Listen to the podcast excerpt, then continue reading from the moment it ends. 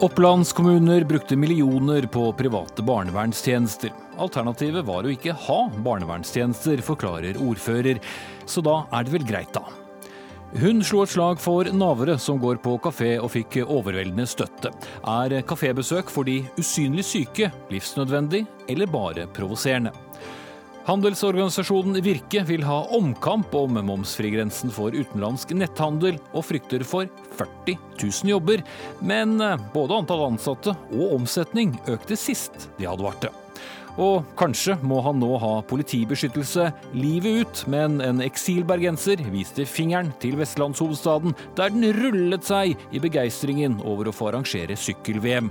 Blir det litt for mye begeistring, spør vi en av de vilt begeistrede redaktørene.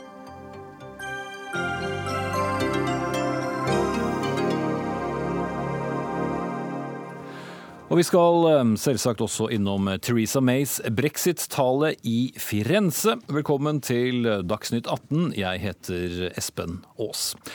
Vi starter denne sendingen med situasjonen i norsk barnevern. Nordre og Søndre Land kommuner i Oppland har de siste åtte månedene brukt flere millioner kroner på eksterne barnevernstjenester. En av stillingene de koster de to kommunene 275 000 kroner i måneden. Og um, Ola Tore Dokken, du er ordfører i Nordre Land og representerer for øvrig Senterpartiet. Eh, spørsmålet er jo selvsagt hvordan kan du forsvare å bruke så mye penger på å leie inn eksternhjelp? Situasjonen eh, var jo at vi fikk et tilsyn som vi ba om fra Fylkesmannen. Eh, det tilsynet viste at eh, situasjonen i barnevernet var dramatisk dårlig. Samtidig hadde vi en barnevernsleder som var sykemeldt. Og for vår del så var det ikke noe alternativ. Vi måtte ha på plass en leder. Vi hadde ingen i organisasjonen som hadde nødvendig kompetanse. Og da var dette her det eneste alternativet. Så enten handlet det om å kjøpe barnevernstjenester, eller så var det å ikke ha barnevernstjenester. For vår del så var det aller viktigste å eh, ta vare på de ungene som, som trengte tjenester. Og da var det ikke noe alternativ. Og bare for å, å spørre om det også, hvor henter en ordfører eller rådmann eh, slike beløp fra? Nei, det er jo knallharde prioriteringer som går utover andre tjenester.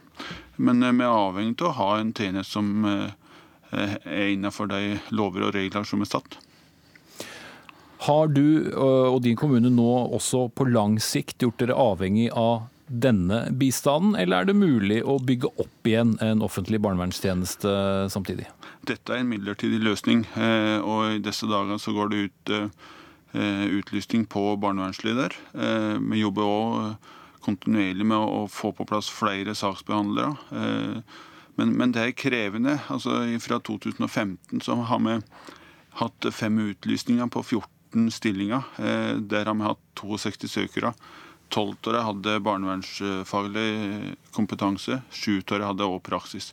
Og det er klart at Da er det relativt få eh, aktuelle søkere, så, så det her tar tid å få på plass. Er du overrasket over at det er så vanskelig? Eh, Barnevernet er uh, utrolig krevende å jobbe i. Uh, og den måten barnevernet blir framstilt på, gjør jo at det er vanskelig å rekruttere. Og så tenker jeg at vi må, må se på det som har med utdanning av barnevernspersonell uh, å gjøre framover, for, for, å skape bedre rekruttering. Vi skal videre til eh, en av de to gjestene her i studio nå. Therese Ribber-Moen, du er daglig leder i barnevernsselskapet Connexa, som da er leid inn av disse to kommunene i eh, Oppland. Eh, forstår du at det har blitt en del overskrifter over disse summene som en, en nå hardt prøvd kommune må, må bruke for å, å leie inn et firma som du representerer? Ja, det kan du si. Jeg kan ha forståelse for at det høres ut som veldig mye penger å bruke på barnevern. Samtidig så hører vi at ordføreren her sier nå om at de var i en helt spesiell situasjon. Det er også viktig for meg å si at eh, det er egentlig ikke dette Connexa barnevern driver med. Vi selger egentlig tjenester til det statlige barnevernet som er beredskapshjem og fosterhjem. Vi ble spurt om dette oppdraget nettopp fordi at Espen Lilleberg, som har det oppdraget, og jeg har veldig lang erfaring fra kommunalt og statlig barnevern, eh, og var i stand til å kunne ta den type oppdrag. Eh, og hvis man ser på 428 kommuner i Norge, selv om vi har noen interkommunale tjenester slik som land, så tenker jeg jo at det er ikke mange kommuner som kommer i denne situasjonen som må leie inn barnevernleder til den prisen. Dessuten så er dette ikke en vikar for en barnevernleder. Dette er å sammenligne med management consulting på linje med andre konsulentbyråer. Og i den sammenheng så tenker jeg at ikke prisen er veldig høy. Er det også da en, eh, en slags nisje? altså Det er ikke det, dette dere driver med til vanlig, men kan det også ses på som en slags nisjevirksomhet som man da faktisk kan selge inn til kommuner som eh, plutselig trenger det? Som var tilfellet her, hvor, hvor det kommunale lå nede?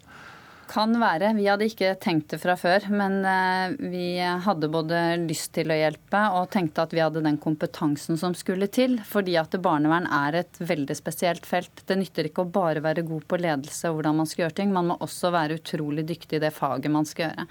Så, og jeg eh, mener og tror at land har kommet en lang vei på de månedene. Så i det lange løp så tror jeg dette har vært en god investering. Og den er midlertidig, akkurat som ordføreren sier. Det er nettopp det, det er, de skal gjøres i stand til. Det er å gjøre jobben godt videre til det aller beste for de barna som trenger det aller mest. Mhm. Men bare for å ta opp det som du sier, dette er ikke det dere normalt sett driver med, men dere valgte likevel å gjøre det. Det kan jo kanskje fremstå som overraskende for de som hører på. Kan man plutselig bare sette sammen en, en privat barnevernstjeneste sånn når noen ringer og spør? Nei, vi, vi, driver et privat barnevernsselskap, men det var ikke akkurat denne type tjenester vi har levert. Vi har levert tjenester til det statlige barnevernet. Eh, sånn at eh, sånn sett ble det jo en type nisje og et litt annen type oppdrag enn det vi til vanlig gjør. Men, men dette var via anbudsrunder og, og intervjuer, og, og, hvor vi ble valgt i forhold til den kompetansen vi bisatte i forhold til å kunne løse det oppdraget da, som mm. de sto overfor. Mm. Eh, til sist, Du har jo selv bakgrunn fra nettopp det offentlige, og har i likhet med ganske mange andre da valgt å gå over til det private. Mm. Hvorfor det? Er det mer penger?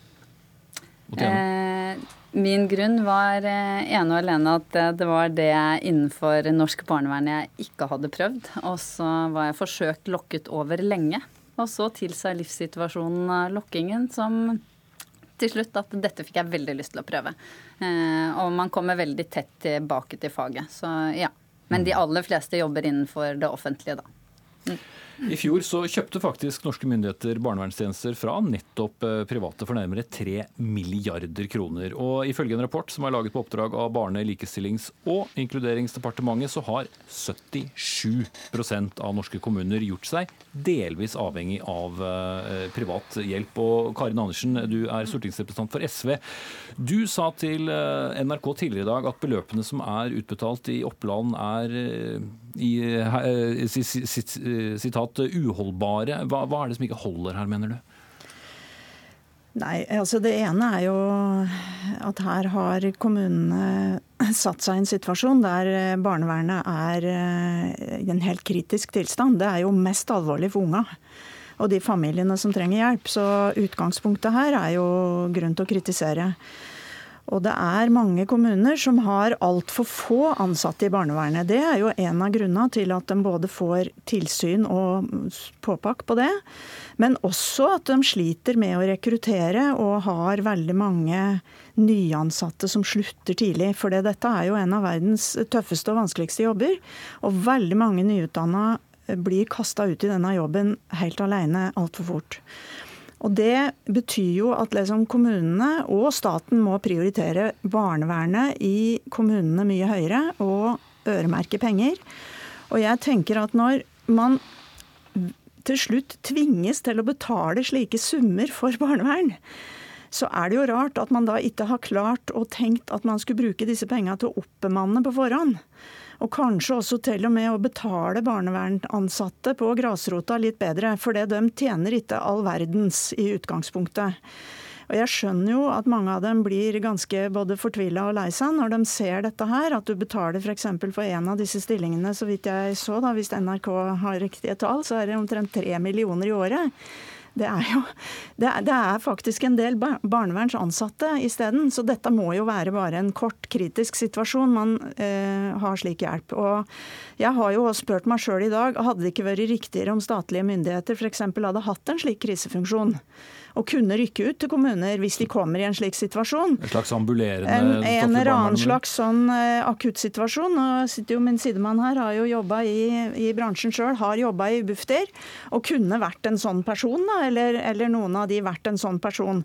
Fordi dette er jo uh, Det blir jo beløp her som er helt hinsides hva det er vanlig kommunalt ansatte har. Og da kan vi jo begynne å snakke om liksom, hvor forsvinner pengene i barnevernet. De pengene bør jo brukes til å lønne nok faste ansatte som bygger seg opp kvalitet og kompetanse til å ta godt vare på disse unga. For det må jo være den stammen vi skal ha som skal gjøre denne jobben. Men uh, i dette tilfellet, det er jo ikke så ofte vi hører om at barnevernstjenesten nærmest kollapser, som var uh, i tilfellet her, her da, pga. Av, uh, av tilsyn, så er det vel om enn kanskje sett med dine øyne å holde litt for nesen, men at det er i hvert fall en bedre løsning og samfunnsøkonomisk kanskje bedre bruk av penger enn om man ikke skulle hatt noe tilbud til de barna? Ja, det er det selvfølgelig. Og her har jo kommunen også plikt til at dette skal gå rundt. Det sier jo ordføreren, og da må de betale det det koster nå. Men hvorfor betaler vi ikke det det koster før det går galt? Det må jo være spørsmålet. Og mange kommuner er nødt til å ta dette på større ansvar, på større alvor. Eh, fordi dette er eh, noe av det vanskeligste man holder på. Det er noe av det mest livsviktige du kan gjøre for unger som sliter. Og det er forferdelige tøffe jobber. Og hvis man da ser på liksom hvor mange det er som begynner, men slutter, så er jo det en alvorlig varsellampe inni dette. Mm. Så det, jeg skjønner at denne krisa har oppstått, og at dette er det de har valgt. Eh, men jeg spør meg da også om det kanskje hadde vært riktig at vi hadde sett på og hatt noen slike akutthjelpfunksjoner, også gjennom f.eks. det statlige barnevernet, som kunne ha rykka ut og vært nødhjelp eh, til en mer fornuftig pris. Vi har um, invitert barne- og likestillingsminister Solveig Horne og statssekretær Kai Morten Terning hit også, men ingen av dem hadde anledning til å stille. Det hadde imidlertid du, Svein Harberg, leder for Stortingets familie- og kulturkomité. En stund til, i alle fall. Eh, du tilhører partiet Høyre og er med oss på telefon. Er du enig med det Karin Andersen sier her, at det er eh, uakseptabelt å måtte bruke såpass høye summer som 275 000 kroner i måneden i en akutt situasjon? Det er selvfølgelig ingen ønsket uh, situasjon at uh, det skal brukes uh, sånne kostnader. Hva som ligger i den avtalen, det kan ikke jeg. Jeg har jo hørt gjennom dagen at det ligger flere elementer inne. Men det er ingen tvil om at jeg er enig med Karin Andersen i at kommunene og KS som deres organisasjon kanskje i enda større grad må være med og legge til rette for oppbemanning, oppgradering av personalet sørge for at det er folk som kan overta når noen blir sykmeldte, for det skjer jo med jevne mellomrom. Slik at en slipper å komme i denne situasjonen. En må være føre var og, og bruke penger på å bygge den kompetansen i kommunene. Eh, nå er det sånn at eh, De som sist satt i dette departementet, var jo partiet ditt, Karin Andersen, SV. Dere bygget for så vidt ikke opp noen eh, nasjonal eh, utrykningsenhet eller noen som kunne ta eh, ansvaret der kommunen ikke klarte det. Samtidig, til både deg og Harberg, så er det jo nasjonal oppgave å ta vare på barna våre. Det er jo litt den rare fordelingen som er noen ganger. Kommunene må gjøre det, men det er jo statens ansvar. Har forholdt dere, dere som parti godt nok til dere, dette da dere satt der, og sitter dagens regjering og forholder seg godt nok til det? Altså, Vi gjennomførte et veldig stort barnehageløft når vi satt i regjering, eh, med veldig mye øremerka midler og stor økning i antall stillinger. Men vi kom overhodet ikke i mål med det eh, da. Det har vært bygd opp litt nå i tillegg. Så vi er på vei. Men det vi vet samtidig, er jo at mange flere nå eh, saker kommer opp. Vi veit hvor eh, utrolig skadelig det er for barn å oppleve omsorgssvikt. Sånn at nå er det ikke lenger noen aksept for å liksom vende det blinde øyet til. Men når det gjelder det å liksom skulle bygge opp et slikt uh, akutt uh, kriseteam, så har jo dette vært liksom den første saken jeg har hørt om der det liksom har vært total kollaps. Og det tror jeg ikke så mange har tenkt på, men derfor så foresier jeg det. Nå kan vi ikke diskutere det. Fordi det vi ser som utvikling ellers, som du nevnte i stad, nemlig at vi nå bruker tre milliarder kroner på privat barnevern, så er det mange av de pengene som da ikke blir barnevern, men som blir fortjeneste i private bedrifter. Og det mener SV er helt feil. Altså De pengene vi bevilger til barnevern, skal brukes til barnevern til å oppbemanne og ha kvalitetsmessige gode tjenester. Gjerne samarbeid med privat non-profit og frivillige organisasjoner, men vi kan ikke holde på å lage forretning ut av de kronene vi får sammen til barnevernet. De skal gå til unga. Hva sier du til dette, Harberg? Er du, er du fortsatt enig med Karin Andersen, eller uh, har du litt uh, annet syn på det? Ja, Nå begynner hun på en helt annen debatt. Hun snakker om uh, stor profitt i barnevernet, og det var ikke det som var saken her. Det var hvordan bygger vi den kompetansen som skal til. Det har nok vært noen andre situasjoner òg. Jeg har jo jobbet tett på dette disse fire årene der noen kommuner har kommet i trøbbel. Men da har de gjerne kjøpt tjenesten av andre kommuner, mhm. større kommuner som har lagt i nærheten. Og Det òg koster mye mer penger og mye mer enn å ha det i egen regi. Jeg syns en skal se på hvordan en kan bygge kompetanse som kan være tilgjengelig. Om det skal være statlig, regionalt eller hvordan det skal organiseres, eh, det må vi se på. Barnevernet og deres oppgaver er i stadig utvikling. Det er flere saker. Det er mer kompliserte saker. Den siste perioden har vi jobbet mye med hvordan vi kan komme enda tidligere inn, slik at saker ikke utvikler seg. Eh, og Det er òg en viktig del av dette, slik at det blir enklere å håndtere de forskjellige sakene. Jeg må dessverre sette strek der. Der er tiden vår ute. Det som er helt sikkert, er at denne saken i land har lært både politikere, private aktører og også lokale myndigheter et og annet som, kan skje, eh, som kan skje når, eh, når, det svikter lokalt. Takk til Svein Harberg, Karin Andersen, Therese Ribbermoen og Ola Tore Dokken.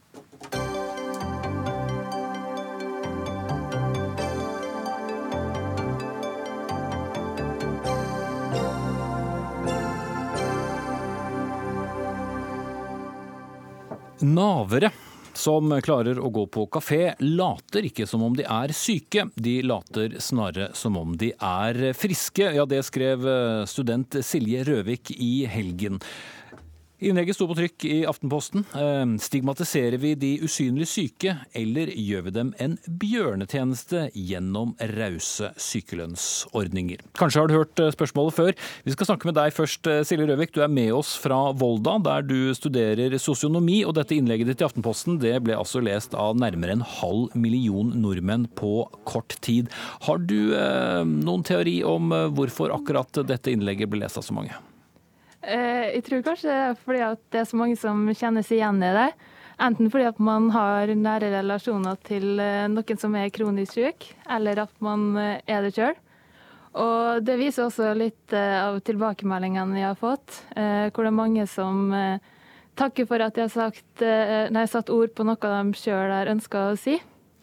Eh, og bare så det er klart, Du er jo da stadig student og er ikke en av de som du skriver om. Men hvem er det du egentlig skriver om, eller sånn sett basert det du skrev på? Eh, jeg kjenner et par stykker som er kronisk eh, syke, og jeg vet hvor mye de står på. Og at de kjemper ganske tøffe og ensomme kamper. Og da vil jeg snakke litt for dem. Hvem er da disse som eh, fordømmer dem? Hvem er det de opplever at de får eh, kritikk fra, fordi de nærmest viser seg ute? Eh, jeg tenker først og fremst at dette er mennesker som av ulike grunner ikke vet hvordan det er å være syk. Og det er vanskelig for alle å forstå hvordan de har det.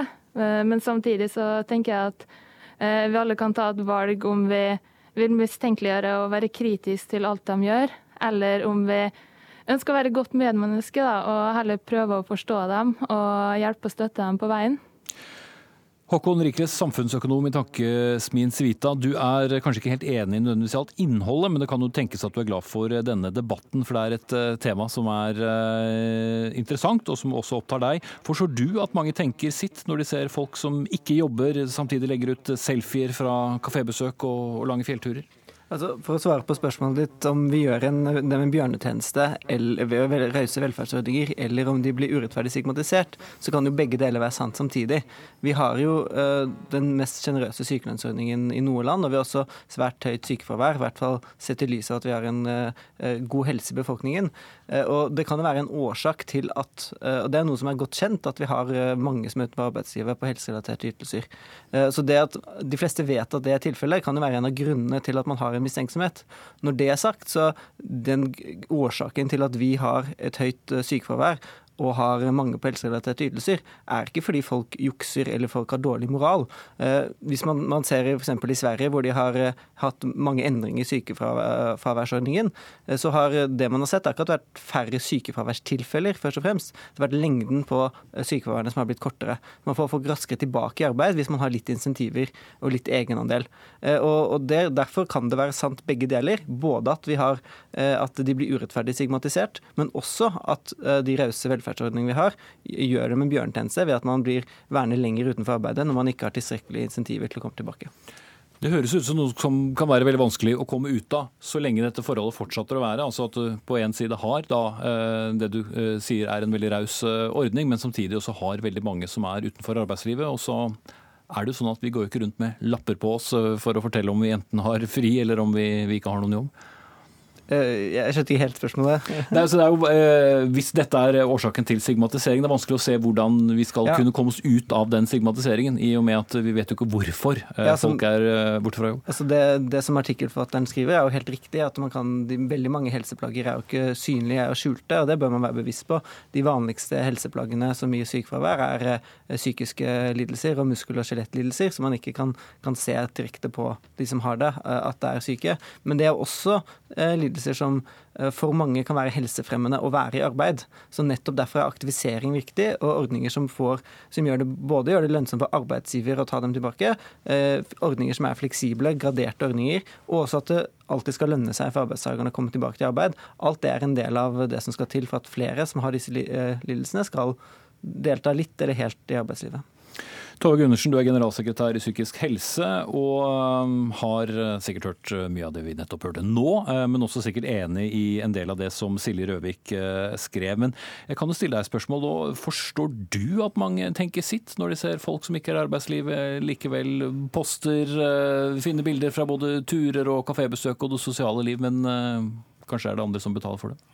Ja, vi er jo moraliserende som vesen, vil jeg si. Og at det er moralsk forargelse, det er jo det er ganske utbredt. Jeg tror dette handler mye om kunnskapsløshet. Eh, vi trenger kunnskap om psykisk helse for å forstå eh, hvordan disse lidelsene er for folk. Og jeg tror at noe av løsningen her, eh, utover kunnskapsøkning, det er å få folk i jobb. Man mister ikke arbeidsevnen selv om man er psykisk syk. Man trenger tilrettelegging. Og arbeid er den beste medisinen, og det er også andre former for aktivitet. Men det forutsetter en mye mer fleksibilitet og modige og moderne ledere i arbeidslivet. Og vi ser også at eh, det er noen som lykkes, og særlig de som får til et samarbeid mellom spesialisthelsetjenesten og kommunen og eh, arbeidslivet og Nav. Eh, rett og slett fordi vi hvis man eh, tenker i behandlingen i spesialisthelsetjenesten at arbeid skal være en del av den behandlingen, og har det samarbeidet, så lykkes man eh, oftere. Og så vil jeg slå et slag altså, for de som jobber i Nav.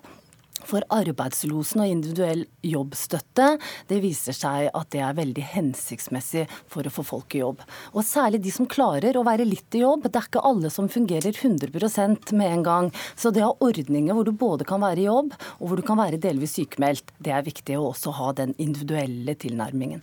Vi skal ta inn uh, Simen Markussen, som er arbeidslivsforsker ved Frisch-senteret. Du sa jo uh, på NOs årskonferanse for et par år siden at Nav må slutte å betale for at folk uh, gjør ingenting, og det ble en del applaus av det også etterpå. Er det sånne utsagn som skaper stigma, eller er det helt riktig? Det kan godt hende. Jeg tror alle som deltar i denne debatten her skal være skal si, såpass selvransakende at det er godt at vi bidrar til stigma innimellom. Men når det er sagt, så er det vanskelig å diskutere disse tingene uten å tråkke noen på tærne. Men det er ingen som ønsker å gjøre det. Men jeg kan jeg bare, bare, bare, for ja. å ta inn en ting, for jeg har sett på noen av forskningen, så, så, viser det jo, hvis du ser på, på hvis, du, hvis, vi holder folk på utsiden, men hvis du ser på tallene, jo mer du strammer inn på en ordning, så ser man gjerne at det kommer flere ut uh, i arbeid. Men uh, det er litt mer komplisert enn som så. Nei, nei, det stemmer det. Altså, det den, I hvert fall er det veldig tydelig forskning når det gjelder f.eks. det med kompensasjonsgrader og sånne ting. Da, fra, stort sett fra andre land, noe fra Norge, eh, der man finner veldig klare sammenhenger mellom hvor sjenerøse ytelsene er, og hvor mange som, mange som, bruker dem. Men når jeg sa det jeg sa på, på NHOs uh, årskonferanse, så, så var ikke det ment å være moraliserende. Det var ment uh, å være en uh, systemkritikk på den måten at jeg mener vi gjør noe grunnleggende feil her i landet når vi betaler så mange mennesker for å gjøre ingenting. Og det er en veldig stor del av denne gruppa. Det er mye tyder på at en stor del av denne gruppa hadde hatt bedre av å være i jobb. Ikke fordi de ikke er syke, men fordi det å være i arbeid og aktivitet ofte viser seg å være god medisin. Mm. Og ikke så god medisin kanskje å tvinge seg selv ut på å gå på kafé, som, som Røvik eh, skriver. Som eh, de da ikke gjør fordi de har lyst til det, men fordi eh, det er det, deres måte å, å, møte andre på. eller se andre. Jeg, vet, jeg, jeg er ingen eh, forsker på, på, på, psykiatri, men mitt inntrykk er at eh, det med å liksom eksponere seg for omgivelsene, for folk, det er gjerne bra. Så hvis man ikke har en jobb å gå til, men tvinger seg selv til å gå ut og være sosial, så tror jeg det egentlig er, er bare bra. Jeg syns ikke vi skal moralisere over i det hele tatt. Mm. Vi skal uh, bare trekke inn politikeren uh, på enden av bordet her også. Stefan Heggelund, stortingsrepresentant fra Høyre. Hvor hensiktsmessig er det at sykemeldingen fra legen skal avgjøre hvor mye penger man får? Nå var jeg ikke helt sikker på om jeg forsto det spørsmålet. Men uh, vi, vi, jeg er jo med i et parti som vil opprettholde sykelønnsordningen slik den er i dag. Men uh, også se på hvordan den kan gjøres bedre, mindre byråkratisk både for den sykemeldte og arbeidsgiver, slik at folk kan hjelpes raskere inn i arbeid. Men jeg har lyst til å begynne med å takke for det innlegget som ble skrevet. Det er et utrolig viktig innlegg. Det er, jeg tror ikke man trenger å lese veldig mange kommentarfelt før man uh, ser en ser stigmatiserende såkalt argumentasjon mot personer som er på Nav, er en del av trygdesystemet. Jeg tror alltid det da er veldig viktig å huske på at de trygdeordningene vi har, enten det er sykelønn, arbeidsavklaringspenger, uføretrygd eller noe annet, de er laget fordi det er meningen at de skal brukes. De er laget fordi at vi i Norge har innsett at alle klarer seg ikke selv hele tiden i løpet av et liv. Og Derfor er det meningen at disse trygdeordningene skal bli brukt. Så er det min oppgave som politiker å rydde opp i et system som i for lang tid har gjort for mange mennesker til ufrivillig passive trygdemottakere. Det er ikke bra. Det har vi sett bl.a. på denne ordningen som heter arbeidsavklaringspenger. Derfor har vi gjort noen viktige endringer der, bl.a. lovfestet oppfølgingspunkter for brukerne på AAP. Og så må vi sørge for at folk får riktig oppfølging, handler på havne på riktig sted i trygdesystemet. Og her eh, trengs det fortsatt endringer i systemet. Ja, for jeg tror vel alle her mer eller mindre er enige om at det beste er om de som kan jobbe, jobber. og så er det da ikke sånn? Og er da eh, også problemet at det er for vanskelig å få jobbet litt? Fordi man skal mm. gjerne enten jobbe fullt og helt, eller i hvert fall en ganske stor eh, brøk. Gå tilbake til deg, Tove Gundersen. Ja, det er en del myter eh, ute og går her. Jeg tror veldig mange tenker at det er uh, veldig utfordrende å skulle få folk i jobb som sliter. Men det viser seg jo at de har jo ikke noe større sykefravær enn andre. Folk som uh, har psykiske problemer og får en jobb. Det har de ikke. Og så er det også sånn at folk som er psykisk syke, de sliter jo med å komme seg ut. Så tilbake til de innlegget til Silje, så vil jeg jo støtte opp under det. At det er et fabelaktig godt innlegg. Det er veldig gjenkjennbart. Jeg tror veldig mange føler seg truffet. Både de som moraliserer, men også de som er i den situasjonen at de virkelig har hatt den største jobben med å stå opp om morgenen. Og det når du da endelig kommer ut og viser deg blant folk, noe som er veldig helsefremmende, fordi vennskap og relasjoner er som vitaminer.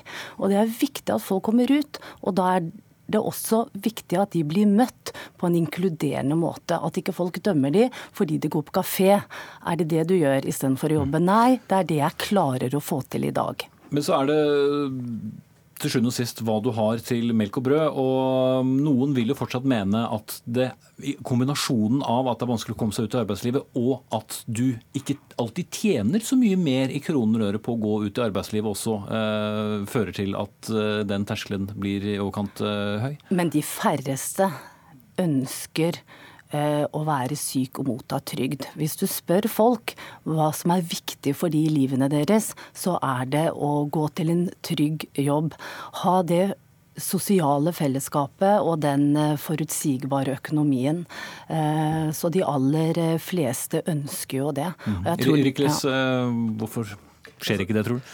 man, jeg er helt enig i at de færreste ønsker å være syke og vekk fra jobb, men man kommer likevel ikke unna det faktum at uh, nivået på ytelsen uh, har noe å si. Og Det er en grunn til at uh, nesten alle velferdsytelser vi har i velferdsstaten, har en annen form for egenandel. Og Da er det merkelig at sykepengeordningen ikke har det. At den gir 100% kompensasjon. Og Det er sånn liksom grunn til at vi har høyt sykefravær. Og så nevner én ting til med øko økonomiske insentiver på arbeidsgiversiden.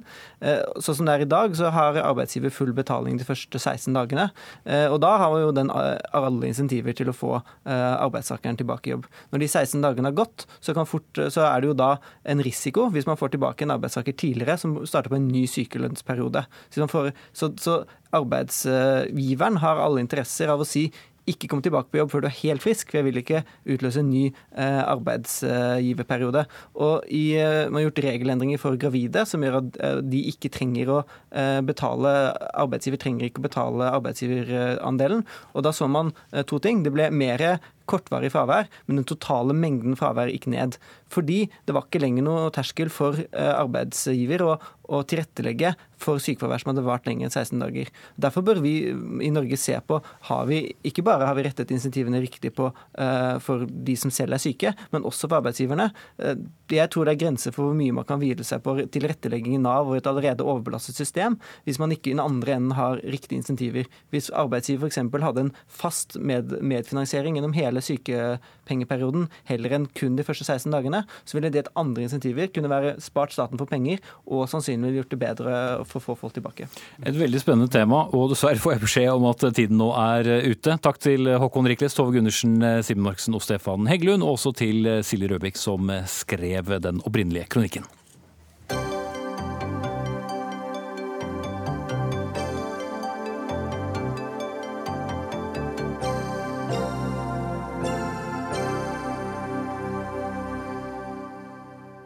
Storbritannias eh, statsminister Theresa May var for eh, noen timer siden ferdig med en eh, tale det var knyttet mye forventninger til i Firenze, der hun fridde langt på vei til de 27 andre EU-landene, snart midtveis i de fryktelig vanskelige forhandlingene om brexit, Storbritannias exit fra EU. EUs sjefforhandler Michel Barnier sa i en tale allerede i går at nå er tiden knapp og det er viktig å komme videre, og han gjentok for så vidt det samme nå i ettermiddag eh, etter å ha hørt på talen. Ulf Sverdrup, eh, direktør ved Norsk utenrikspolitisk eh, institutt. Hvordan vil du dømme dette frieriet hun kom med? Hva handlet det om? Det viktigste tror jeg, er jo at hun på godt engelsk kaller dette 'kicking down the road'. The can down the road.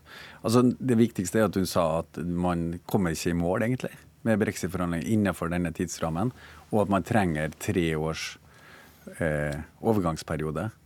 Eh, så det betyr at eh, brexit ikke kommer til å finne sted i 2019 men kanskje i 2021. Mm. For uh, tiden er knapp, som Barnier sa, og som han sa i talen sin i går. Det er egentlig bare ett år igjen, og alle vi som har fulgt med på dette her vet at det har skjedd utrolig lite. Etter de få møtene, forhandlingsmøtene som har vært, så har de mer eller mindre sagt at uh, vi har ikke kommet så langt som vi trodde. Ja, altså EU, I EU så er noe som heter artikkel 50. Så Storbritannia har to år, egentlig, fra mars 2017 med å forhandle denne avtalen. Så mars 2019 kommer de til å gå ut av EU. Eh, men da, altså det de sa i dag, var at de er parat til å være i EU, eller følge EU-regler, uten å være medlem av EU. Underlegge seg EU-domstolen i, i, hvert fall to år etterpå. Så det er ganske oppsiktsvekkende. Og det betyr at de innrømmer at forhandlingene kommer til å bli veldig vanskelig, og de ikke kommer i mål. Og i hvert fall ikke med den nye avtalen. Så dette handler jo foreløpig kun om skilsmissen. Ingenting om den fremtidige samværsformen. Og Det er jo noe av det aller mest spennende, og som vi i Norge også er veldig spent på hva skal være. Vi skal høre litt hva Theresa May sa eh, om akkurat det i talen. We can do so much better than this. As I said at Lancaster House, let us not seek merely to adopt a model already enjoyed by other countries. Instead, let us be creative as well as practical in designing an ambitious economic partnership which respects the freedoms and principles of the EU and the wishes of the British people.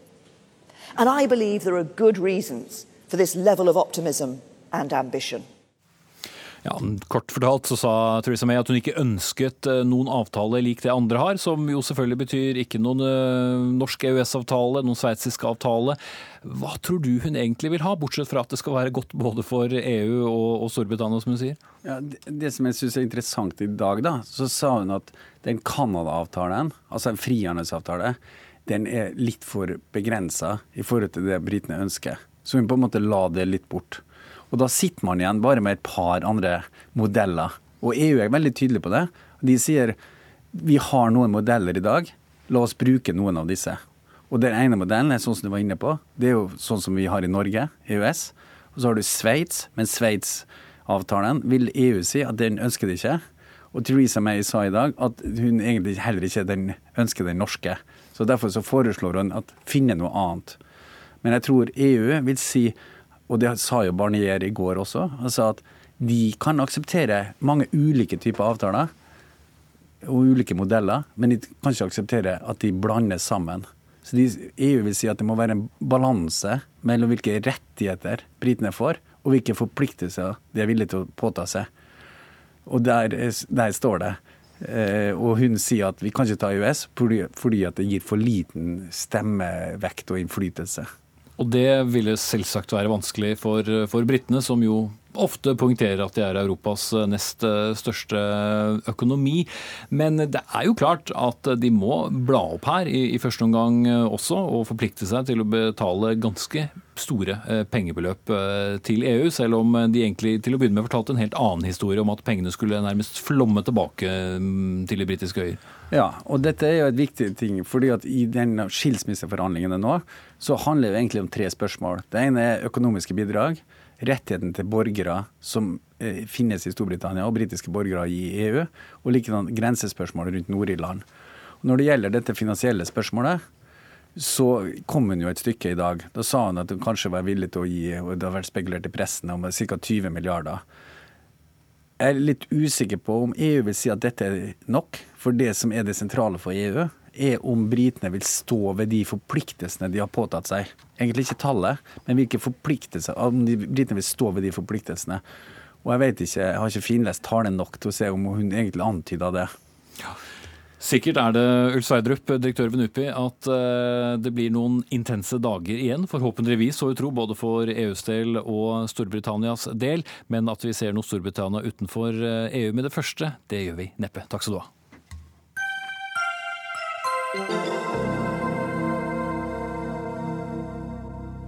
For eh, fire år siden så skremte hovedorganisasjonen Virke med at 10 000 arbeidsplasser ville forsvinne om momsfrigrensen på utenlandsk netthandel ble satt opp til 500 kroner. Regjeringen, Kristelig Folkeparti og Venstre ble enige da om en grense på 350 i stedet. Men eh, nå roper Virke varsko nok en gang, og sier at så mange som 40 000 arbeidsplasser vil forsvinne om ikke grensen settes ned til null, ifølge Dagens Næringsliv. Men eh, hva er det som har skjedd siden 2013? Vel, det har blitt flere ansatte og større omsetning innen varehandel og netthandel i Norge. Og eh, Harald Andersen, direktør i hovedorganisasjonen Virke, du sa altså i Dagens Næringsliv på mandag at utflagging Nedflaggingen av handelen betyr tapt omsetning og tapte arbeidsplasser i Norge. 40 000 personer mister jobben hvis man regner med deltid. Hvordan kom du fram til tallet? Ja, Nå er det en liten feilkobling med disse 40 000 og utenlandshandelen på nett. Disse 40 000 er knyttet til de store endringene som varehandelen uansett vil gå igjennom framover. Pga. digitalisering, automatisering, sentralisering, at du og jeg får endra eh, kjøpsvaner. Vi har faktisk ikke lagt til grunn at den særnorske 350-kronersordningen består. Men hvis den består, og det er bare for å sette dette i perspektiv Allerede i dag så viser våre beregninger at den norske 350-kronersordningen koster oss anslagsvis 4000 arbeidsplasser og 2 milliarder kroner i skatte- og avgiftsinntekter, tapte skatte- og avgiftsinntekter. Og hvis da veksten i utenlandshandelen på nett vil være like sterk framover som den har vært de siste årene, ja, så vil denne ordningen allerede i 2020 koste oss bortimot 9000 arbeidsplasser og 5 milliarder i tapte eh, skatte- og avgiftsinntekter. Og hvorfor er det sånn? Jo, det er fordi varehandelen det er Norges desidert største private arbeidsplass. 370 000 arbeidsplasser. Og denne ordningen her, den treffer hele handelen. Alt fra sko og klær, interiør og verktøy, kosmetikk og sport og elektronikk og sågar godteri og brus. Og fører da i sum til det vi kaller for en massiv eksport av, arbeidsplasser og, skatteinntekter ved å subsidiere da utenlandske konkurrenter til, til norsk næringsliv. Men, men, denne samme detaljhandelen som du snakker om da, eh, der har det jo ifølge SSB blitt økt omsetning med 30 milliarder kroner og økt sysselsetting i varehandelen med 20 000. Så jeg får ikke helt de tallene til å gå i hop. Ja, Varehandelen øker år for år. Dels fordi vi både får bedre råd, og dels fordi vi blir, blir flere mennesker i dette landet. Men det som er veldig interessant, som en ny analyse da fra Samfunnsøkonomisk analyse, som er gjennomført på oppdrag for Forhandler Kontor og Virke, viser, det er at historisk så har det vært en, alltid en veldig sterk sammenheng med hvor mange mennesker som bor i Norge, og hvor mange ansatte som, er, som, som, som jobber i varehandelen. Men siden 2010 så er det forholdet nærmest dekobla. Så Det betyr da at eh, det er langt sterkere vekst i, i befolkningen enn, enn, i, enn, i, varehandelen. Og Den samme rapporten viser da at hvis det forholdstallet fortsetter framover, så vil det være 10% færre i norsk varehandel i, i, 2030 enn i dag. Så altså ikke 40 000 som forsvinner, men hvor mange forsvinner før vi gir ordet videre her, eh, hvis vi da tar vekk disse ja, som, som uansett forsvinner? Bare med de strukturelle endringene så vil det forsvinne minst 10 000 arbeidsplasser fram mot, fram mot 2030, eh, før vi inkluderer utenlandshandelen. Og som jeg akkurat sa i stad, hvis utenlandshandelen fortsetter å vokse i samme tempo som den har gjort de siste årene, så vil den alene forårsake bortfall av 9000 arbeidsplasser og 5 milliarder i skatte- og avgiftsinntekter allerede i 2020.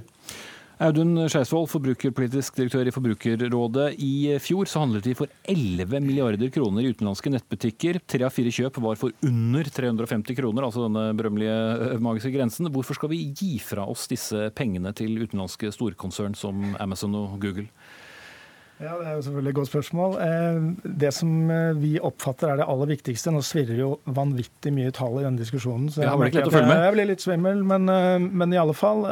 Poenget her er å sikre at norske forbrukere får et godt utvalg, god kvalitet til riktig pris. Og Det vi opplever, er at dette er et marked som har godt av konkurranse. Og den konkurransen er innmari viktig i forhold til dette, denne gebyrfrie eller tollfrie satsen. Eh, ikke først og fremst pga. satsen i seg selv, men fordi at det ligger et gebyr på toppen her på 153 kroner, som har økt med 21% siden 2014. Og Det er det gebyret som da Bring eller Posten eller andre aktører tar for å gjøre selve fortollingen. Mm. Uh, Jørgen Nesje, statssekretær i Finansdepartementet for Fremskrittspartiet. Det er jo en del arbeidsledige i Norge allerede. Skal vi, skal vi skape fler med å øke denne grensen? Jeg tror ikke den grensen er eh, så roten til alt ondt som Virke prøver å fremstille det. Eh, det Virke er mer utydelig på, det er jo da eh, handel på nett som er over den grensen, og hva som er under.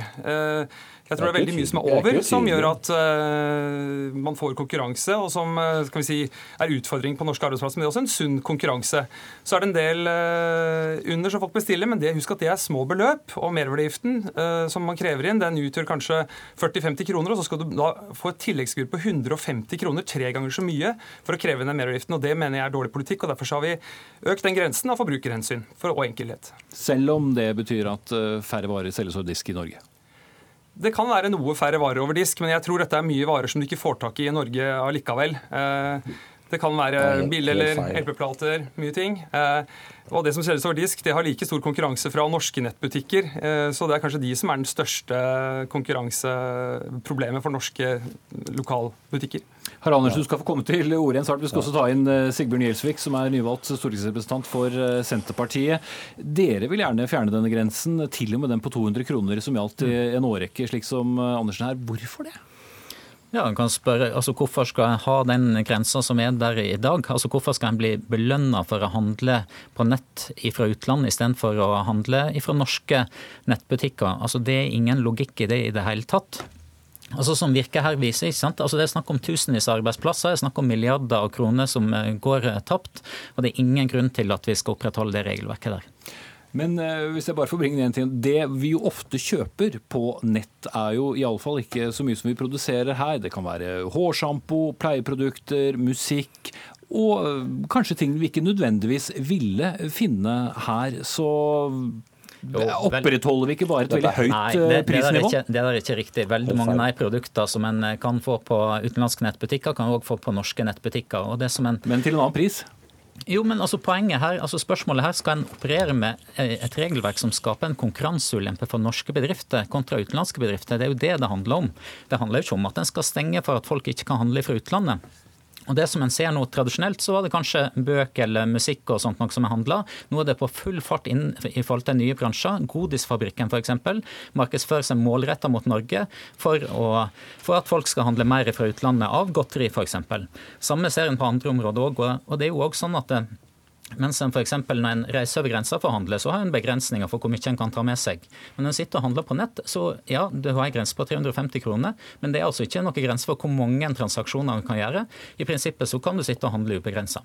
Men syns du det skal straffe seg å handle på nett? da? Du kjøper noe og skal betale merverdiavgift på 10 kroner, 50 kroner, så får du et gebyr i tillegg på 150 kroner. Syns du det er greit for norske forbrukere? Jeg syns at en bør betale moms fra første krone, uavhengig om en, betaler, eh, om en kjøper fra Norge eller fra utlandet. Men syns du det gebyret er greit? En ekstraregning på 150 kroner? For det får du, det kommer du ikke unna.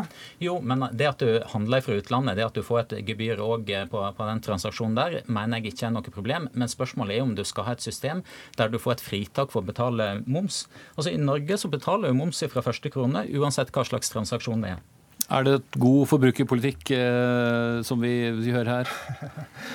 Nei, altså hvorvidt det er god forbrukerpolitikk å betale 153 kroner for en leverpomade til 10 kroner, eh, det tror jeg er ganske enkelt å, å kvittere ut. Eh, og det er jo det som er realiteten. Eh, det er Realiteten er at eh, folk som kjøper kosmetikk, votter, skjerf, mindre transaksjoner på nett, de blir nå straffa med 153 kroner. Eh, fordi at Alle er jo i og for seg enige om at moms og, skatter og avgifter det bør gjelde uansett. Men det er det gebyret som egentlig er den store nøtta å knekke. Og det er klart at Hvis en hadde greid å få det gebyret ned på et fornuftig nivå, så ville dette sett annerledes ut også fra, fra, et forbrukerperspektiv. Men slik det fungerer nå, så vil dette være konkurransevridende motsatt vei. Det vil føre til at vi får en eh, situasjon hvor eh, folk som kjøper kosmetikk, votter og skjerf, de blir, får en ekstra premie på 153 kroner per, per kjøp.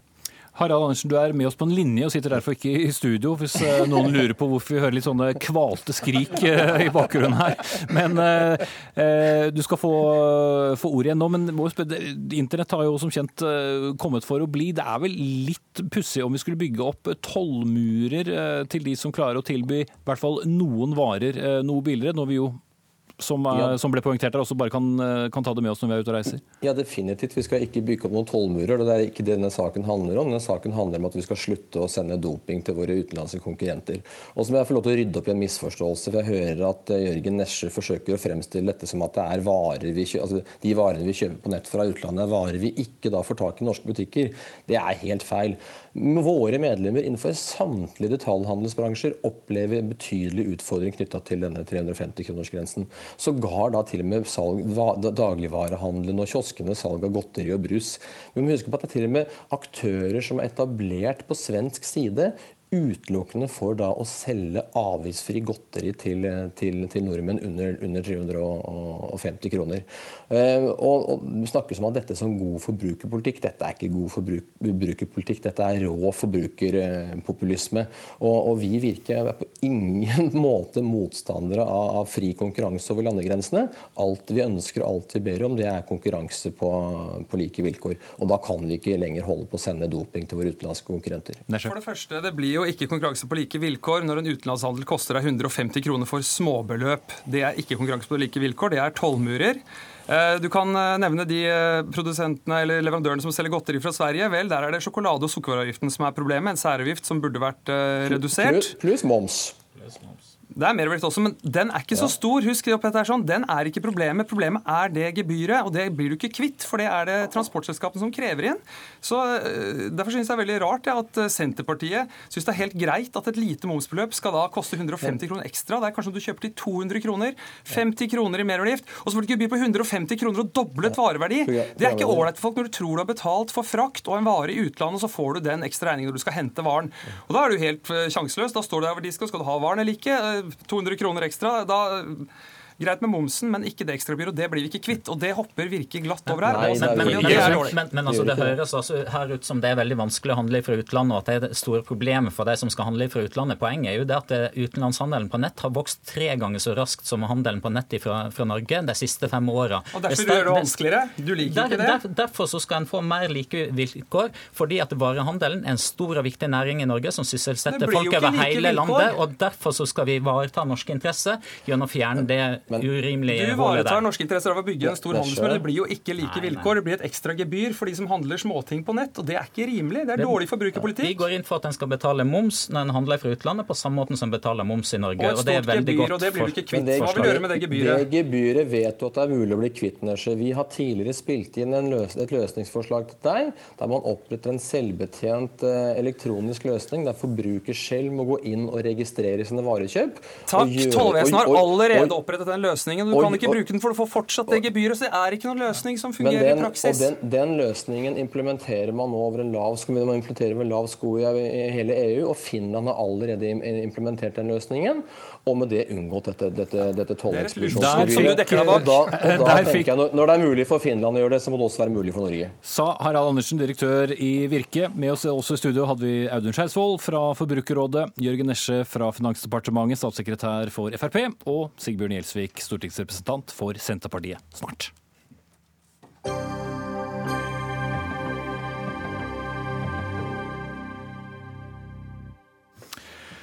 Jeg vet ikke om eh, dere har fått det med dere, men det pågår et eh, aldri så lite arrangement i Bergen på to hjul. Og en eh, eksilbergenser her i hovedstaden har vist fingeren til vestlandshovedstaden i en kronikk i Bergensavisen denne uken. Blir det for mye av det gode når bergensavisene dekker sykkel-VM, eller skulle det bare mangle at de er stolte av arrangementet? Og mannen med fingeren, det er deg, Gården Andersen. Du skrev altså denne kronikken, som nå også er publisert i avisen du jobber i, VG. Du er oppvokst på Askøy utenfor Bergen, og har altså bodd i Bergen i flere år. Og nå har du fått litt, litt mye. Hva er det som får blodet til å koke? Ja, altså jeg mener jo det at Den dekningen som i hvert fall lokalavisene og regionsavisene i Bergen by har hatt disse dagene, det er det, det, det tenderer mot selvpatriotisk overdose, som jeg skriver da. Det er akkurat som det er Man hyller Bergen by, og man hyller sin egen fortreffelighet nesten, og sin egen evne til å avholde dette VM-et. Det er liksom det som er i fokus. Nå skal jo de også ha Tour de France som neste, liksom. Så, de ser jo veldig blide ut, da. Ja, og for all del. Jeg, jeg, dette er jo litt sånn uh, spøkefull tone. Og det, og det, å vise fingeren til, til bergenserne, det, det, er kanskje ikke det lureste jeg har gjort i, i min karriere. Uh, men, men uh, de skal ha det. at det er en fantastisk de, de, har jo et fantastisk mesterskap, og de er flinke. og og vi er flinke, kan jeg si. Jeg ønsker å være bergenser selv, selv om jeg, noen mener jeg bør miste den tittelen nå. Men, men, hvor er det det bikker for deg? Når, når, er det det blir for mye? Da vil jeg sitere en kollega av meg som skrev noe på Facebook som har tatt med i denne teksten. og det er det at Dette er så utrolig typisk Bergen. For det at uh, Bergenserne de klarer ikke å glede seg over noe som helst hvis ikke hele Norge sitter og rister av sjalusi og ser på. Og det går litt på dette at uh, De er dritgode, for å si det sånn, og dekker dette VM-et. De, folkene er der, det koker i byen. Eh, men så er de forbanna, da. Og det er fordi at eh, at ikke resten av Norge vil være like energiske, virker det som. For den debatten om, om, om, om rikspressen gir det nok oppmerksomhet, den, den, er jo veldig sterk også i, i kulissene her. Vi skal eh, vende oss eh, til eh, Bergen og Sigvald Sveinbjørnson, som er da redaktør, i, ansvarlig redaktør sågar, i BAL Bergensavisen. Du kunne ikke komme til vårt studio i Bergen pga. nettopp sykkel-VM, men er med oss på en slags linje likevel. Ser du noe av denne kritikken, at dere velter litt for mye i, i jubelbrus om dagen? Nei, det gjør jeg faktisk ikke. Ehm, jeg bare, vi hadde en forside som, eh, som på mandag som eh, Gordon eh, Andersen var litt bestyrtet over. Ehm, tittelen på den var 'Herregud, hvor gode vi er'. Vi skrev at det var, det var tittelen og et flott bilde av folkefesten som var her på søndag. Og Grunnen til at vi hadde den uh, forsiden og den tittelen, det, uh, det, var som følger. Vi, vi, har nå i flere år planlagt og, og, styrt på og vært stresset og vært mye krangling og, og sytring om, om sykkel-VM. Og så har vi vært gjennom en sommer som har regnet og regnet og regnet hver eneste dag. Vi hadde et prøve-VM i, prøve i fjor som ikke akkurat gikk veldig knirkefritt. Eh, så vi var veldig spente. Og så kom da søndagen. Både lørdagen og søndagen. Åpningsseremonien var på lørdag, og så var det første ritt på søndagen. Og det var strålende solskinn. Alt fungerte bra, og det aulet med folk overalt. Det var helt fantastisk. Og Bergensavisen vi er en lokalavis for Bergen. Vi er ikke en riksavis. Vi selges i Bergen, vi, vi skriver for bergensere. Da er det en åpenbar forside å ha. Eh, så, men, men, dere har vært litt kritiske mot ja. at begeistringen ikke har vært delt eh, helt uh, blant det som uh, gjerne omtales ja, som altså, Oslo-avisen eller ja, Riksavisen, hvem du snakker med? Det skyldes et innlegg fra vår eminente spaltist Jørund som hadde et, Vanvik, som hadde et innlegg på onsdagen som tok fullstendig av når vi publiserte det på nett. For han var altså rasende etter å ha sett Dagsrevyen, altså Lørdagsrevyen for lørdag, hvor vi hadde åpningsseremoni. Uh, uten at eh, VM i Bergen ble nevnt med et ord. Og Det høres jo kanskje litt sånn smålig ut man sitter i Oslo og ja, ja, herregud, det har et idrettsarrangement i Bergen, og ingen bryr seg. Hva så?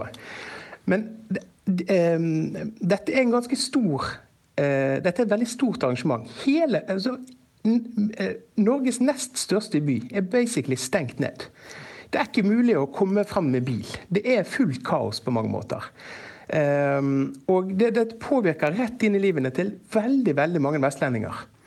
Og så er det Nei, det er ingenting.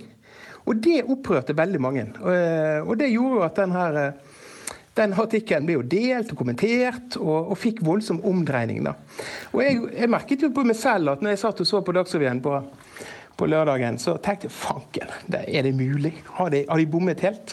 Nå skal det vel sies at vi har dekket dette også. Vi, har, vi dekker ikke alle åpningsseremonier til, til allting. Det er gjerne OL, Nei, kanskje men, noen, noen men, VM. Men bare for å gå over til Gordon Andersen, eh, satt du med samme følelsen? Jeg gjorde faktisk akkurat den, eh, den lørdagen det var åpning. Da, da gikk jeg inn på vg.no, avisen min, for å se hvor er vi og da, da, da, var det ikke så mye fart der. Altså. Så, og så ble det noe rabalder på sosiale medier. og Da tror jeg kanskje det kan ha skjedd noe i kulissene i VG-systemet. Så det da dukket opp en sånn bildeserie fra Torgallmenningen, sånn at vi fikk med oss i hvert fall uh, på nettet. da. Men det er jo ikke i nærheten av den der panegyriske, rusede dekningen som, som bergenserne legger opp til. Og det tror jeg heller ikke ville være riktig. Nei, og det er ingen som har krevd at VG skal være, tapetisere sidene og avisene. Vi har hatt VM på forsiden nesten hver dag hele uken. Får dere drevet noe kritisk journalistikk eh, innimellom all denne jubelen, forresten? Å ja, du, jeg, jeg, skal love deg, jeg har fått så mye kjeft eh, for at vi har vært surmagede, negative. Vi, eh, jeg blir eh, både skjelt ut og takket. Så dette, altså, altså, I Bergen det er jo engasjement, selvfølgelig, og det skal vi være glad for. Men jo da, vi har drevet mye kritisk journalistikk på dette. Og mer kommer. Har du vært litt for surmaget Gordon Andersen, når du hører denne høyst begeistrede redaktøren i BA? Kanskje, jeg tenker kanskje jeg skulle hatt et annet byline-bilde i dag. Det tenker jeg. Men hva, hva, slags reaksjoner har du fått selv på Det, det ble jo så voldsomt. sant? Det er jo det var jo som å stille seg foran Storestopp på Brann stadion i VIF-drakt etter du har skåret og tatt salto eller et eller annet tull. Det jo, så det, det, det, var voldsomt. Men, men jo, de, folk er jo sinte for det. Jeg har blitt truet med å få brostein i hodet neste gang jeg er på vei til Bergen og alt dette her. da. Men det er jo uh, surma... Jeg, jeg, mener jo det jeg sier i forhold til at uh, at det, det, Sett utenfra så ser denne voldsomme lokalpatriotismen liksom med Bergen ut av Norge det, det, ser litt rart ut av og til utenfra. Sigvald Sveinbjørnson, eh, kanskje dere kan lage en liten serie eh, Gordon Andersen sekund for sekund når han kommer tilbake til Bergen, og se om han kommer trygt eh, dit han skal. Vi må dessverre eh, sette strek der, selv med to bergensere. Ansvarlig for dagens Dagsnytt 18, Fredrik Lauritzen. Teknisk ansvarlig Finn Lie. Her i studio, Espen Aas.